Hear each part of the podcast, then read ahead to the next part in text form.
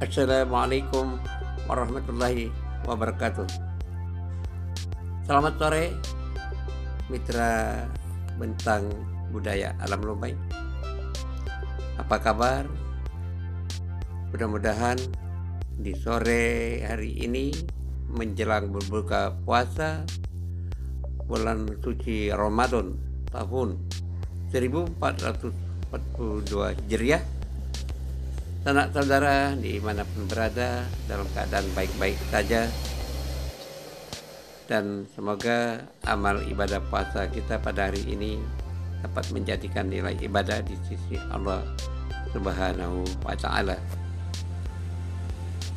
Beberapa menit ke depan saya akan memberikan suatu informasi tentang salah satu kebiasaan masyarakat kita, masyarakat Lobai pada beberapa era tahun yang lalu. Terimalah salam kekerabatan, yaitu salam terasaan sekundang. Baiklah, ikutin saya tentang informasi yaitu membuat makanan yang diberi nama Raja Mandi.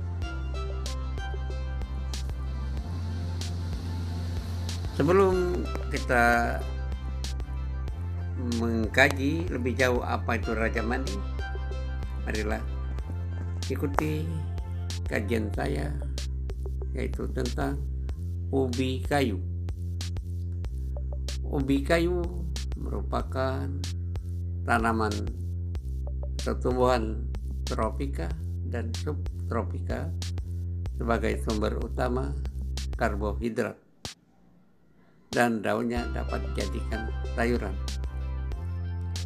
Ubi kayu bukan tanaman Asia, berasal dari tanaman tropika Amerika Selatan. Tapi saat ini tumbuhan ini telah menyebar hampir di semua kawasan tropika seluruh dunia. Nama lain dari ubi kayu ada yang menyebutnya singkong ada juga yang menyebutnya ketela pohon ada juga yang menyebutnya ubi benggala ubi Belanda. Bahasa Inggris menyebutnya kasapa atau kesepa sesuai dengan dialog atau dialek masing-masing namun di daerah Lubai disebut dengan ubi mengale, mungkin asal kata dari ubi benggala menjadi ubi benggale. Akhirnya lidahnya melenturkan dengan kata mengale.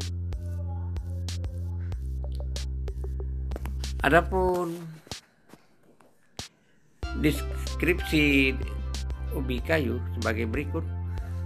Ubi kayu termasuk perdu atau tumbuhan perdu yang bisa mencapai tinggi 7 meter.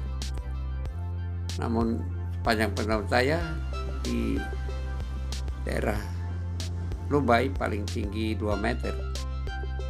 Tidak ada yang mencapai 3 meter sangat jarang. 2 meter paling tinggi kurang lebih 2,5 meter. Dengan cabang agak jarang berakar tunggang dan sejumlah akar cabang yang kemudian membesar menjadi umbi. Jadi umbi umbi kayu sesungguhnya adalah akar. Ukuran umbi rata-rata bergaris tengah 2 sampai 3 cm dan panjang kurang lebih 50 sampai 80 cm tergantung dari kelon atau kultivar. Bagian dalam ubi kayu berwarna putih atau kekuning-kuningan. Ubi kayu tidak tahan disimpan terlalu lama, apalagi di lemari es. Gejala kerusakan ditandai dengan keluarnya warna biru gelap akibat terbentuknya asam cyanida. Asam cyanida bersifat meracuni bagi tubuh manusia. Ubi kayu merupakan sumber energi yang kaya karbohidrat namun sangat miskin protein. Jadi maksudnya untuk pembakaran cocok tapi proteinnya kurang.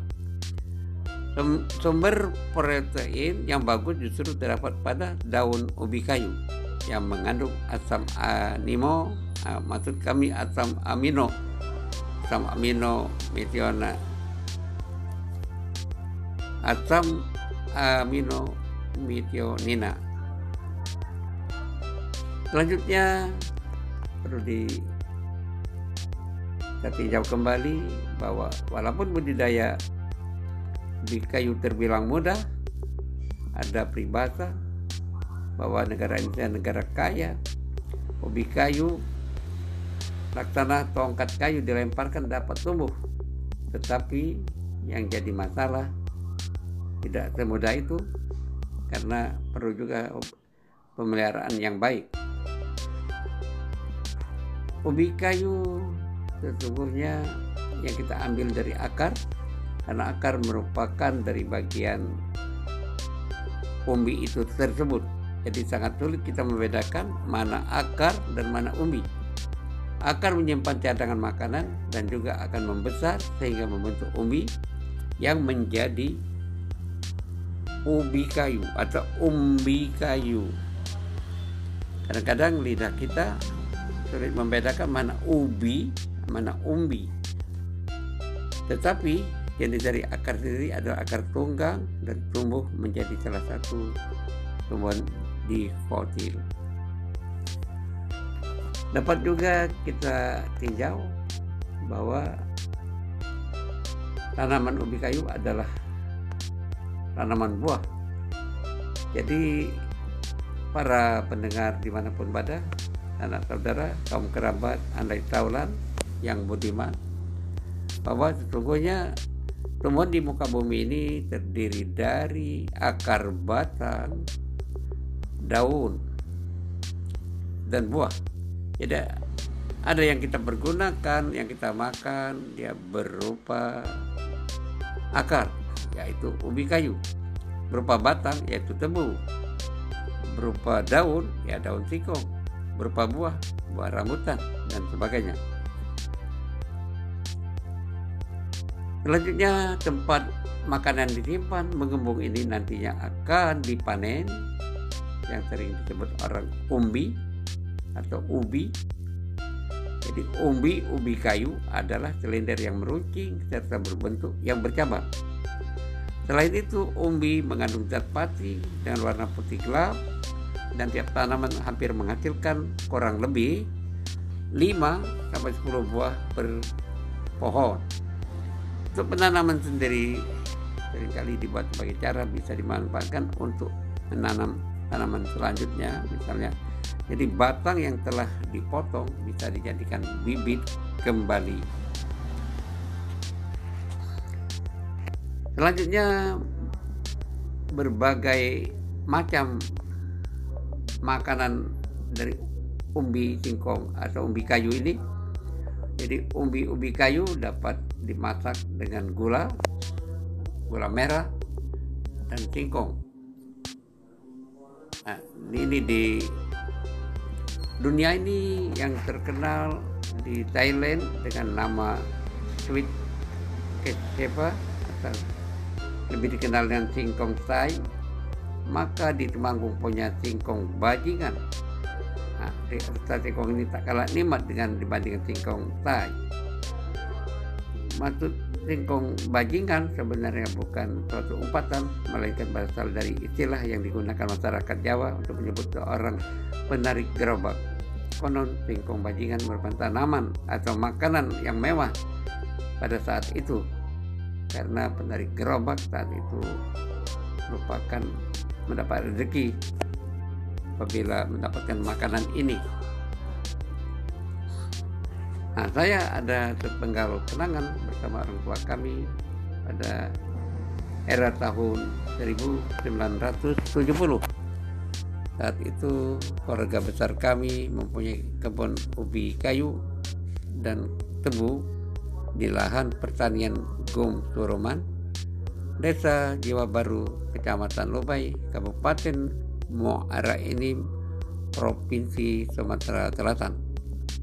Satu hari ayah kami bilang, ayo kita membuat makanan Raja Mandi dari ubi kayu.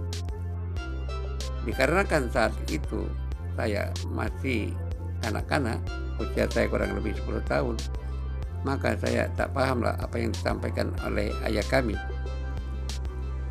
Akhirnya ayah kami memperjelas maksud yang dimaksud Raja Mandi yaitu ubi kayu dimasak dengan air tebu. Jadi pertama-tama yang harus diambil air dari tebu yang menggunakan kilang atau diperas. Jadi saat itu belum ada alat modern seperti sekarang, alat pemeras tebu saat itu menggunakan kilang manual yang dibuat dari kayu sehingga tebu disusun dengan rapi diputar-putar alatnya sehingga menghasilkanlah air tebu nah, air tebu tersebut dimasak sampai warnanya merah yang dalam bahasa Lobai disebut tenguli adapun umbi ubi kayu kalau di Masyarakat Rubah yang terkenal adalah dari jenis ubi kayu mentega, warna umbinya kuning. Setelah dibersihkan kulitnya dan dicuci, dimasak sampai air mendidih sehingga lembut. Setelah itu dimasukkan ke dalam tanguli. Tanguli maksudnya rebusan air tebu yang telah berwarna kecoklatan sehingga disatukan dengan singkong karena singkong mandi di air itu dinamakan Raja Mandi.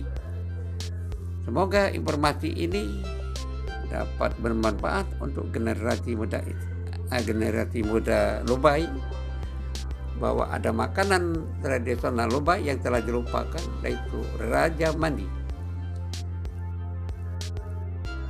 Raja Mandi ini semuanya dapat difavoritkan sampai saat ini apabila kita sama-sama ingin melestarikan salah satu budaya yang telah terlupakan. Demikian, semoga ada manfaatnya. Lebih kurang saya mohon maaf. Kita berpisah sementara, namun di lain waktu kita akan jumpa lagi. Karena saya akan selalu mengunjungi anak saudara di channel podcast Daya Alu. Sampai jumpa. Wassalamualaikum warahmatullahi wabarakatuh.